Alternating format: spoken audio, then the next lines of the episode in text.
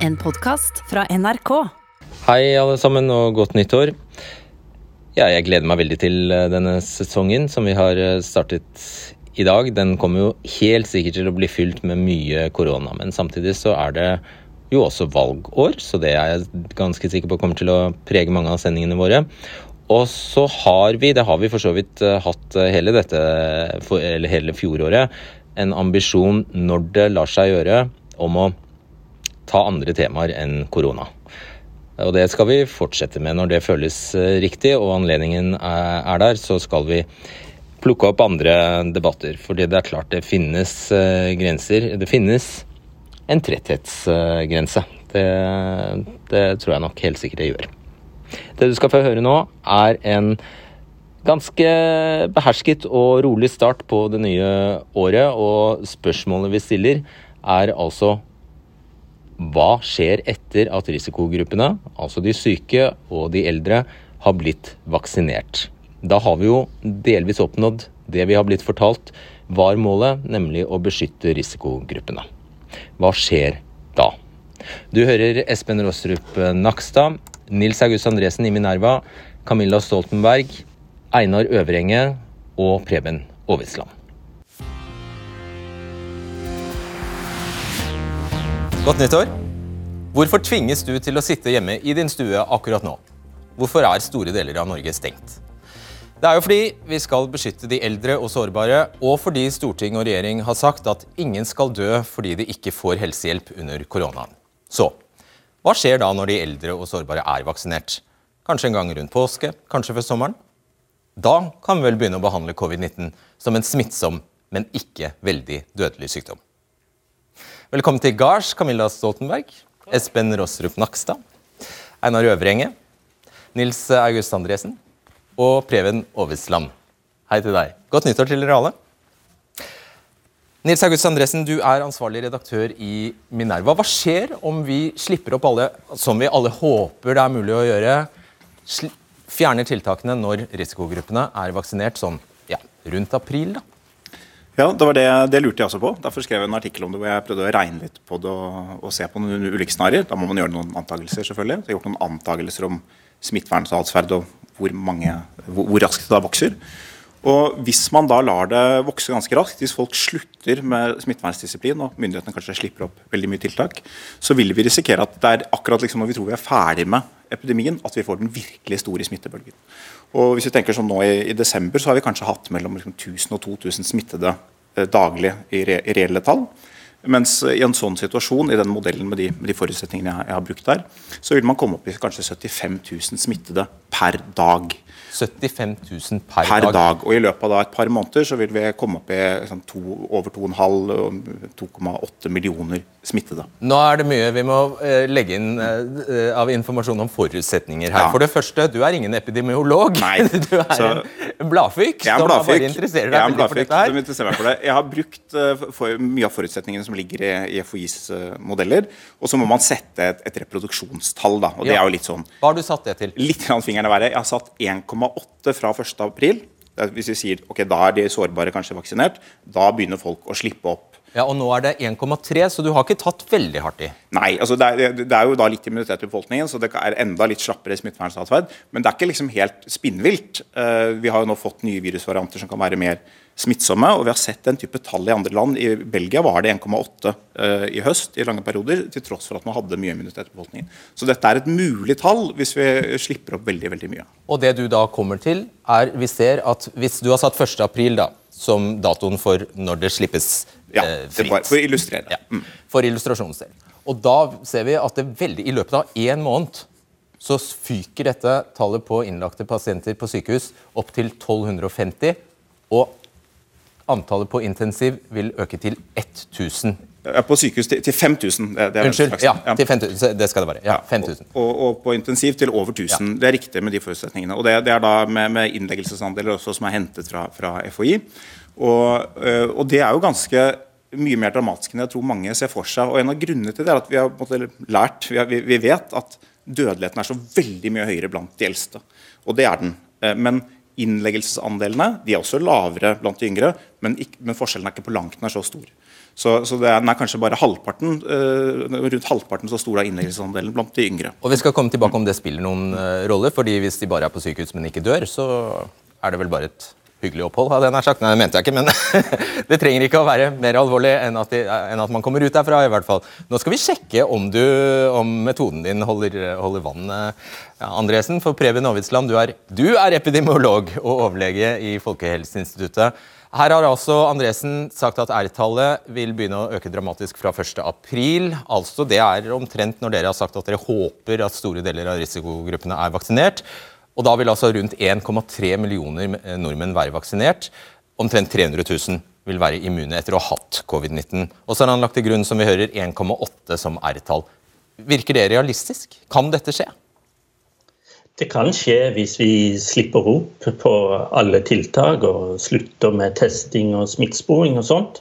Så er det klart at eh, denne, dette viruset har en tendens til å løpe løpsk hvis det får sjansen. Så det er absolutt realistisk at vi da ville ha fått en, en sånn voldsom bølge.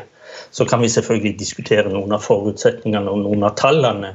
Men hovedpoenget til Andresen er viktig, nemlig at viruset løper løpsk hvis det får sjansen. Og da, selv om risikoen for den enkelte til å få alvorlig sykdom er ganske liten, veldig liten når du er under 60 f.eks., så blir det jo så mange som blir smitta at til sammen så blir det da mange tusener som må på sykehus, og mange hundre kanskje tusener som må på intensivavdeling, og til og med noen hundre som dør. Så eh, dette viruset kan vi ikke ta lett på, selv om vi har vaksinert de gamle. Og Det vi ikke så eh, vist grafisk her, det er at over med disse forutsetningene så vil over to, kanskje tre millioner nordmenn smittes. Ja, det vil de. Men så er det jo sånn at de fleste får ganske så mild sykdom. Så er det noen som får en skikkelig, eh, skikkelig sykdom. Og blant eh, la oss si 50-åringer så vil jo 2% havne på sykehus.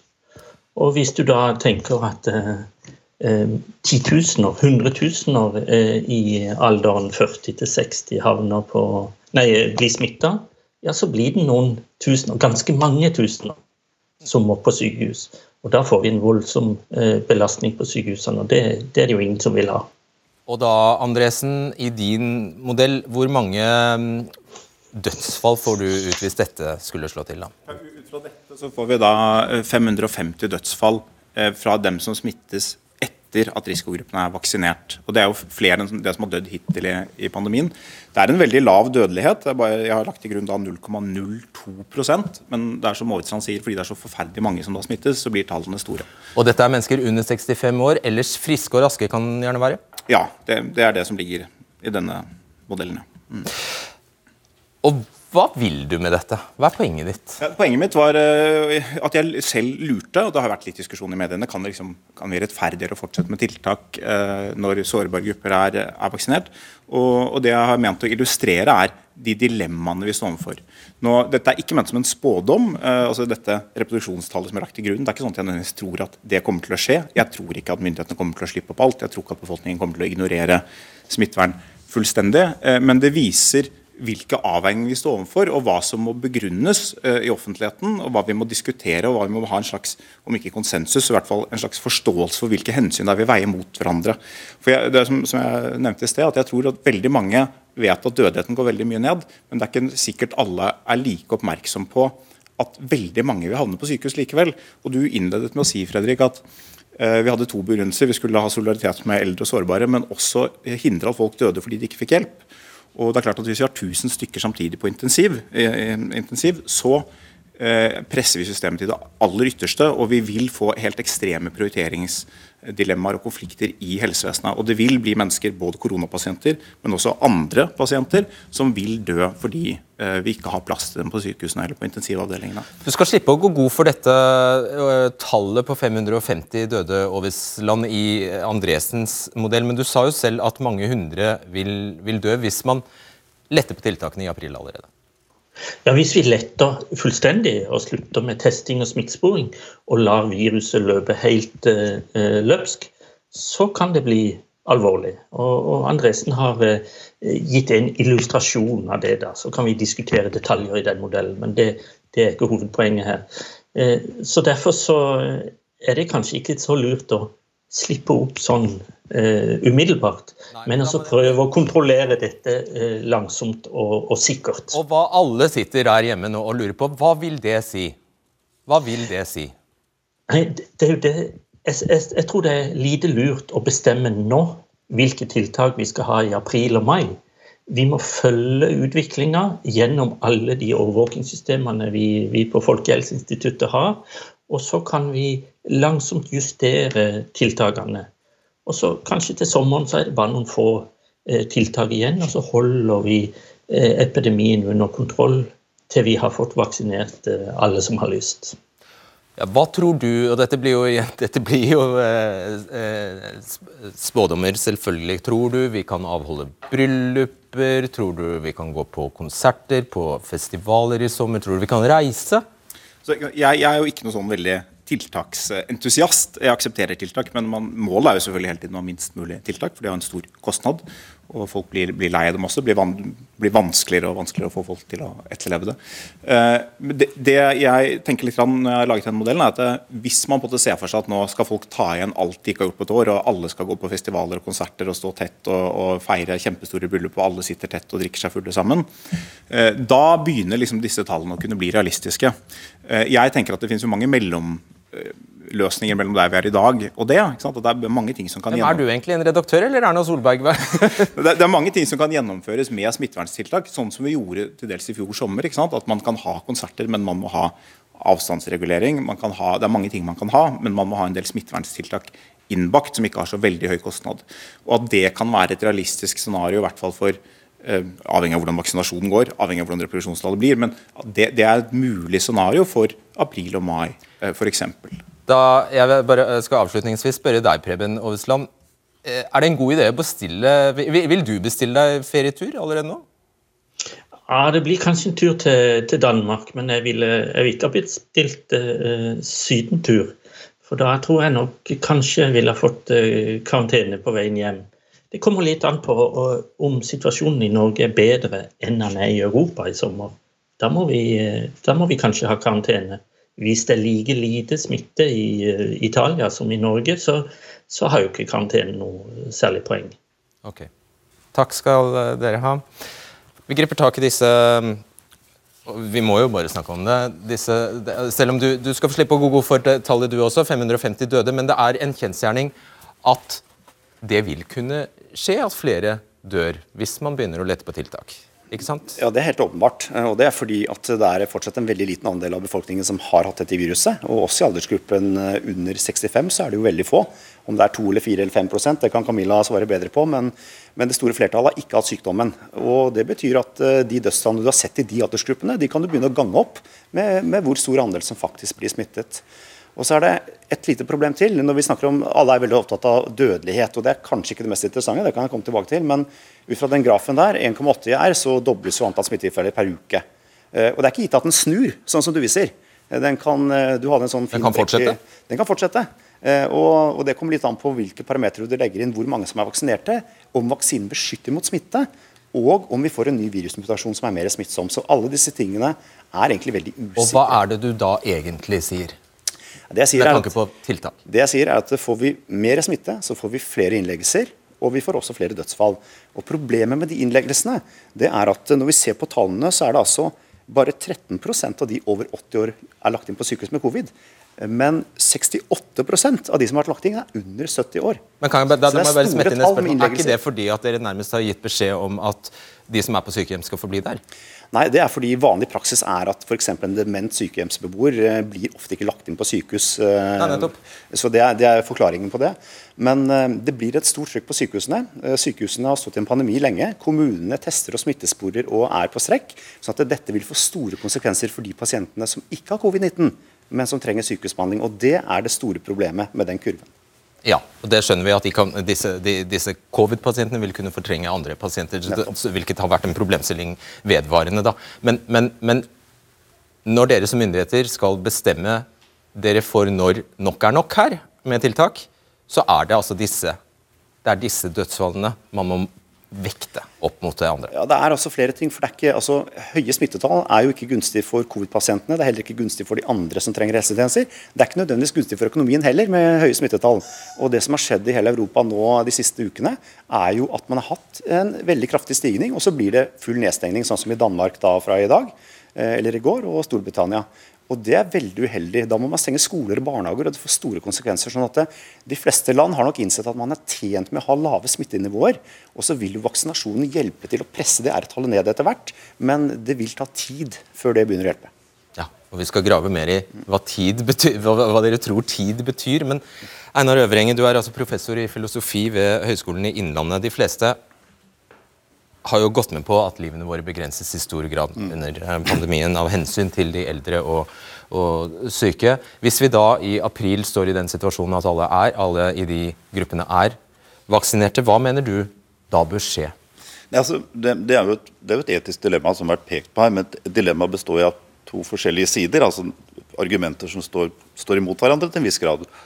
Jeg, jeg, jeg kommer jo fra filosofien og jobbet mye med etikk og politisk filosofi. og, og er veldig redd utvikling av det vi kan kalle sånn ensakssamfunn. Altså hvor det, hvor det er én sak vi fokuserer på, og det kan skape det vi ofte kaller en etisk blindhet.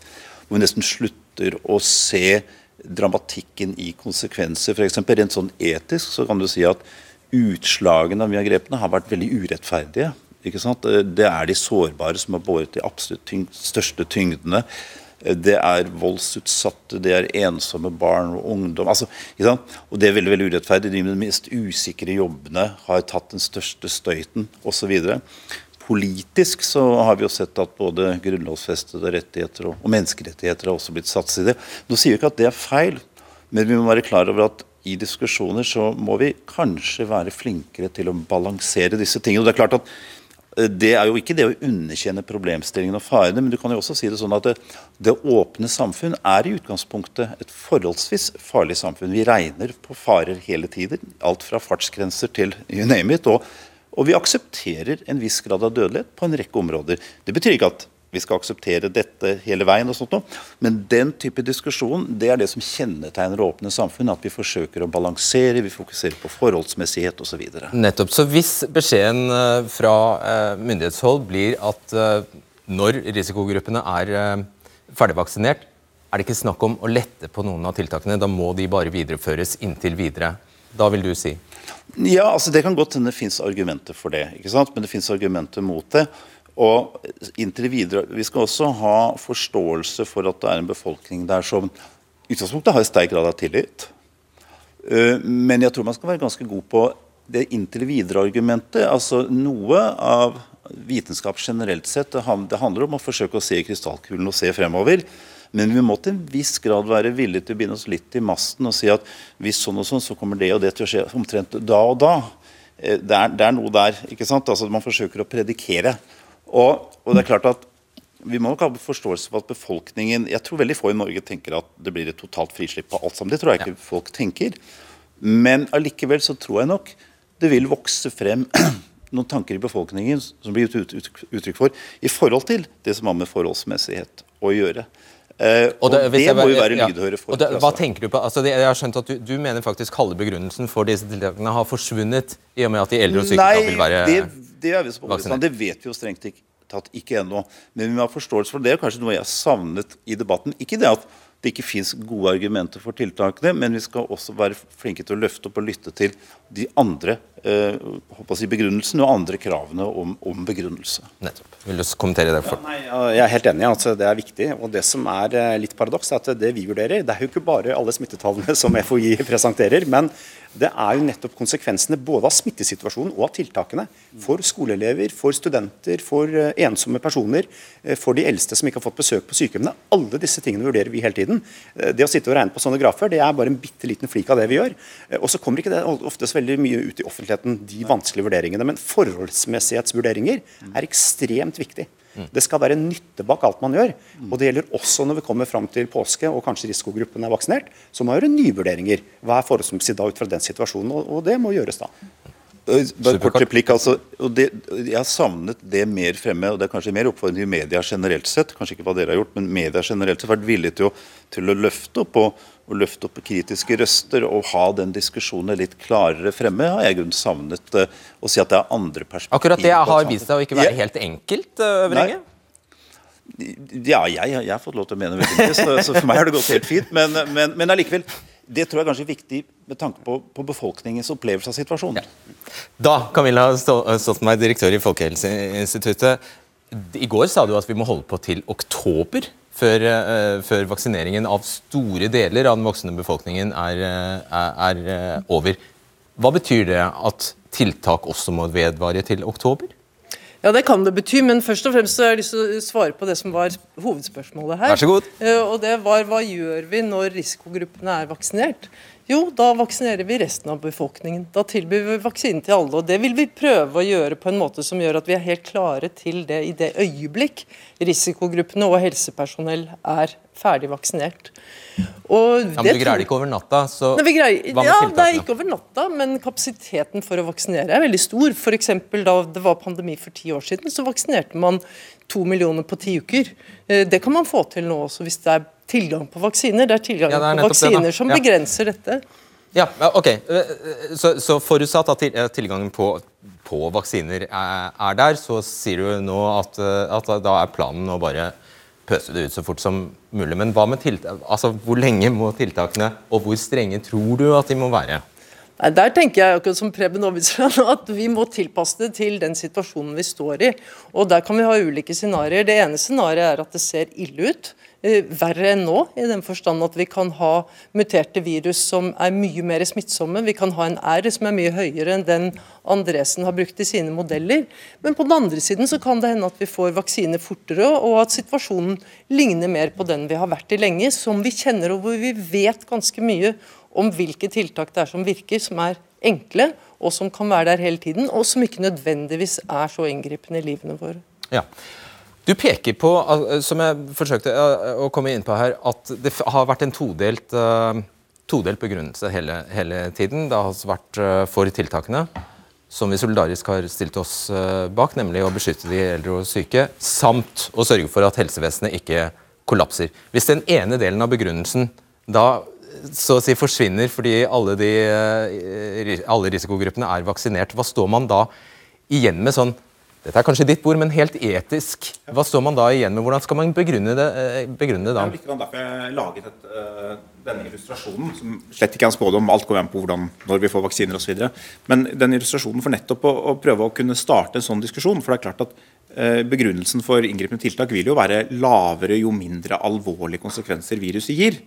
Uh, så så, så, Derfor må vi ha vi må både rekalibrere begrunnelsen for tiltak etter hvert som vaksinasjonen skriver frem. Rekalibrere begrunnelsen for tiltak, det betyr å tilpasse til kartet. Altså, vi, vi, må tilpasse kartet til terrenget. Men, men, det jeg mente å gjøre med denne illustrasjonen, er å si at eh, disse begrunnelsene for tiltak vil fortsatt eksistere. Og da må vi veie dem opp mot tiltaksbyrden. Og, og, og, i en situasjon der vi må forstå at det kan være en del tiltakstretthet osv. Så, videre.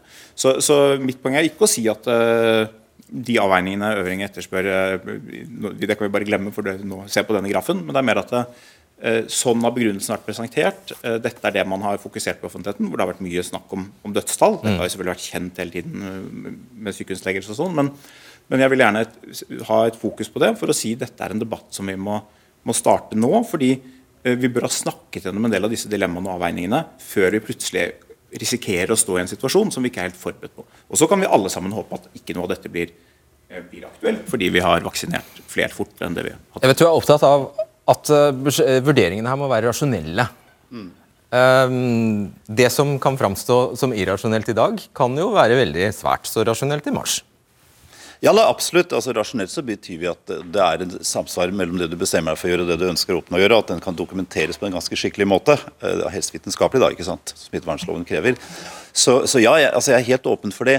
Jeg er mer redd for at vi, vi å si, noen ganger kan savne situasjoner hvor vi på en måte setter et lokomotiv og liksom, det setter i gang. For én ting er jo vi som er her, og fagmennesker og videre, men, men det er en befolkning som, som står i dette her og lever i dette her og lever med det og som kanskje nesten fokuserer for, for, for, mye, som er veldig fanget i det. Og det tror jeg er folkehelsemessig også ganske negative eh, konsekvenser.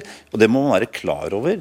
fordi man, man går jo veldig tett inn i privatlivene til mennesker. Man regulerer eh, områder av livet som vi normalt sett ikke gjør i et åpent samfunn. Det seg selv kan ha ganske radikale og voldsomme konsekvenser på sikt, og det vet vi heller ikke så mye om. Men vil ikke du mene også, som jeg formoder at de fleste her, her mener, at smittefaren må trumfe alt?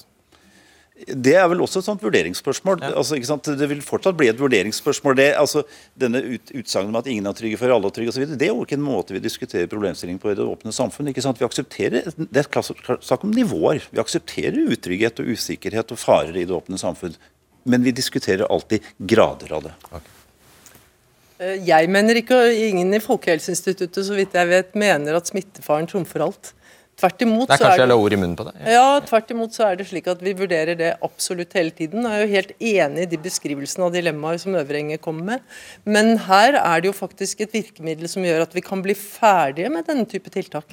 Så da gjelder det bare å få tatt det i bruk. og da tror jeg motivasjonen i befolkningen også de gruppene som ikke har så høy risiko individuelt sett, for å holde ut med noe tiltak til alle er ferdig vaksinert, alle som ønsker det, eh, den vil være veldig høy. Veldig kort, Øvrenge. Hva er din løsning? Hva er løsningen din, da? Filosof, da. ok? Men ja, skal, vi liker, vi liker å stille spørsmål.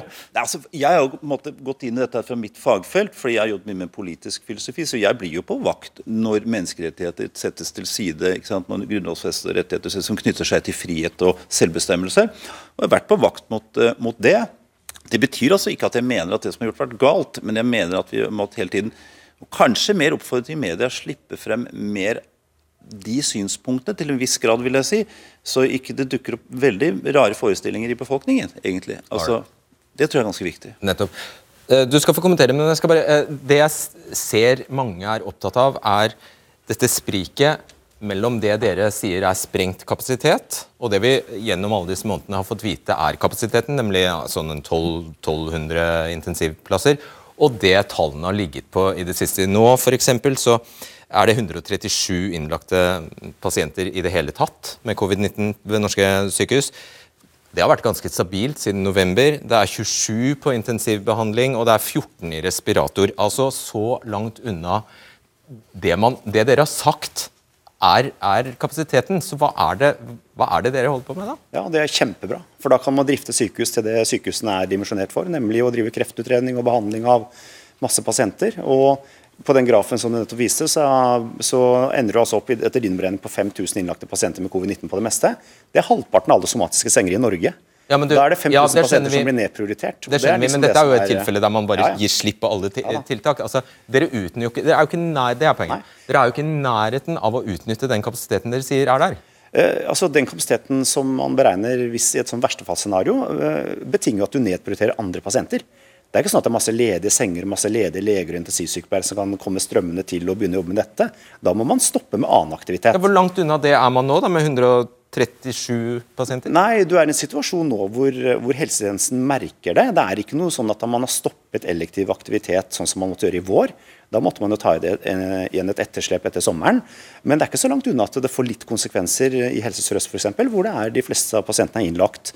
Og dette er rett og slett et spørsmål om prioritering. Blir det mange pasienter, en dobling eller tredobling, så må man begynne å nedprioritere og si at eh, sorry, du får ikke bytta den hofta i år.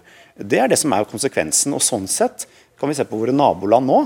Der er det jo sånn at man nesten ikke kan gjøre noe annet enn å behandle covid- og, og blålyspasienter. Alt annet er satt på stopp. Og det får kjempestore konsekvenser for titusener av mennesker. Og Det er klart, det er ikke noe gunstig situasjon, og ingen vinner noe på det. Og Hvorfor er det viktigere at noen ikke får utsatt hofteoperasjonen enn det, som, enn det strategien dere fører nå faktisk innebærer at noen vil omkomme eller ja, dø av covid på norske sykehus? Nei, altså, Har du lave smittetall, så har du få innleggelser. Eh, lite press på helsetjenesten. Det er jo høye smittetall nå. Eh, ja, altså nå har vi det, det, er en definisjonssak. ikke sant? Nå har vi hatt en stabil, Dere har sagt det var det. Jo, vi har hatt en stabil situasjon på innleggelser. Men det er jo lagt på tiltak etter tiltak i høst, og nå senest i romjula, og nå senest faktisk eh, for noen få dager siden. Sånn at eh, i sommer så hadde vi nesten ingen tiltak. Og vi hadde tre innlagte pasienter på norske sykehus med covid-19. Nå er vi i en helt annen situasjon med mutert virus og vinterstid hvor vi er innendørs. Det er en helt annen risiko for smitte. Og det er jo det vi har tatt konsekvensen av med de, de forslagene vi har gjort gitt til regjeringen. Når risikogruppene er vaksinert, hva har det da for seg å drive og telle smitte, da? Det vil ha det for seg at vi skal stanse smitte på samme måte som tidligere, ved hjelp av smittesporing og karantene og isolering av de som har symptomer. Fordi vi vil fortsatt ha behov for det.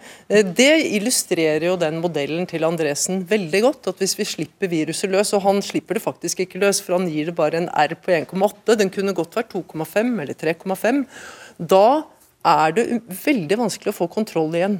Og, og dette er et virus som vi prøver å kontrollere på en balansert måte ved å foreta de avveiningene som øveringen peker på, men det er ganske vanskelig. og Da er det bedre å ha trådt til litt for mye på den eh, hva skal jeg si, riktige siden, der man har lave smittetall og få på sykehus, enn på den andre siden, der det blir vanskelig å få kontroll igjen. Det har vi sett at mange andre land har opplevd. F.eks. det at det nå er så stor forskjell på Danmark og Norge, er en illustrasjon på dette. Vil du kommentere det? Ja, altså, Du må ikke. jo, jo, det er interessant det du sier med å trå til litt mer, for det er jo i seg selv en balansegang. for kan du si, ha, Kjenner vi til alle mulige andre samfunnsmessige konsekvenser på lang sikt, mellomlang sikt, i forhold til å gjøre litt ekstra? Det er mye av det, for det er nesten eksperimentelt. Det vi gjør med det norske samfunnet, er jo, er jo eksperimentelt. Virkelig, vi har, vi, har ikke, vi har ikke gjort det før. Og hva, slags, hva, hva, hva gjør det med unge mennesker, f.eks.? Hva gjør det for de som er spesielt sårbare på sikt? Uh, og holdt på å si, Hva gjør det for den generelle mentale helsen å, å, leve i en sånn tilstand? Det vet vi ikke så mye om. og Det er litt av problemet her, selvfølgelig, når vi sier at vi kan trå til Jeg mener jo ikke at det direkte er galt, men liksom, det er tråd trådt til ja, hvor, hvor, mye for mye? ikke sant? Man får den type avveininger. og Det er jo det jeg savnet i mye av diskusjonen her, at det er en hel rekke andre konsekvenser. En ting er jo arbeidsledighet, og sånn, som i seg selv er veldig alvorlig. Du har rusproblematikk som er veldig alvorlig. Du har psykiatrisk problematikk som er veldig alvorlig.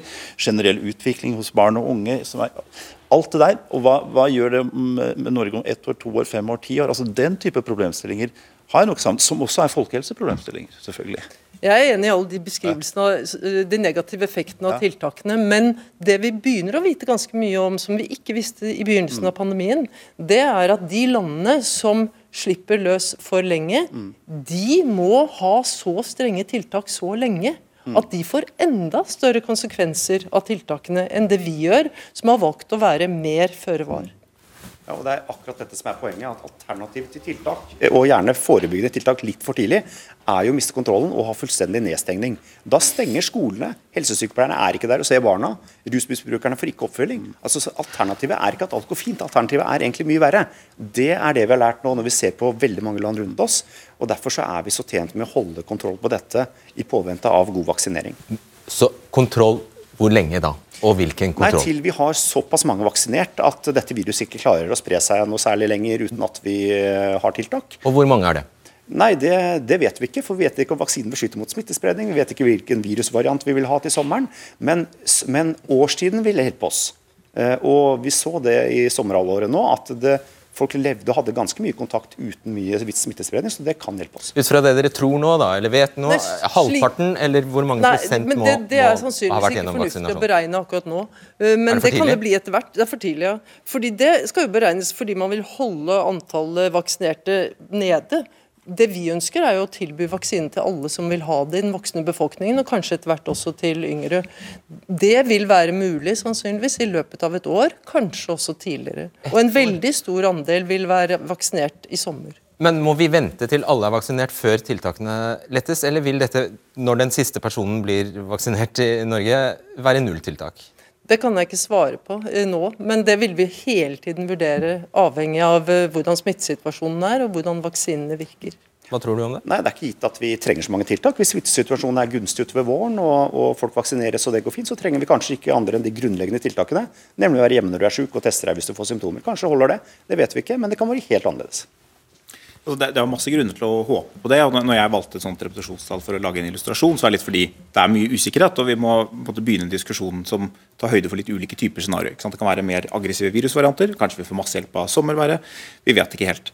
Når det gjelder det Øvrenge sa om at måte, er, vi, vi har disse negative tiltakene, skal vi ikke tenke på dem.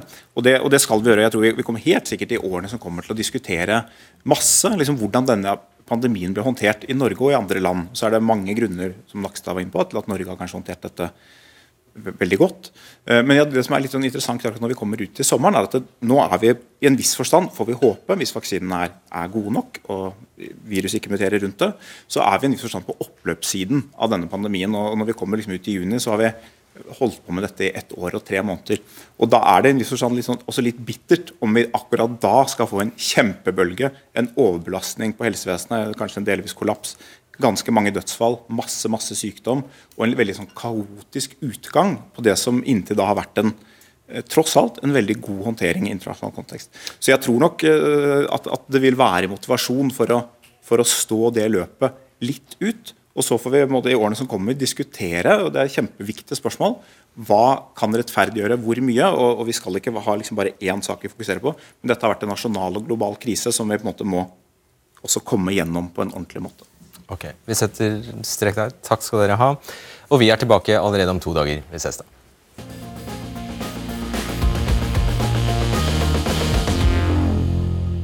Rundt så vanskelige temaer som dette her tror jeg det er en fordel at frontene ikke er sylskarpe, og at det ikke blir munnhuggeri, i hvert fall. Og det syns jeg vi oppnådde her. Eh, jeg syns det var gode refleksjoner, god argumentasjon. Annen argumentasjon enn man kanskje ofte hører fra deltakerne. Så jeg personlig syns at dette var en ålreit start på det nye året. Håper du henger med oss videre også. Takk for at du hører på. Du har hørt en podkast fra NRK. Hør flere podkaster og din NRK-kanal i appen NRK Radio.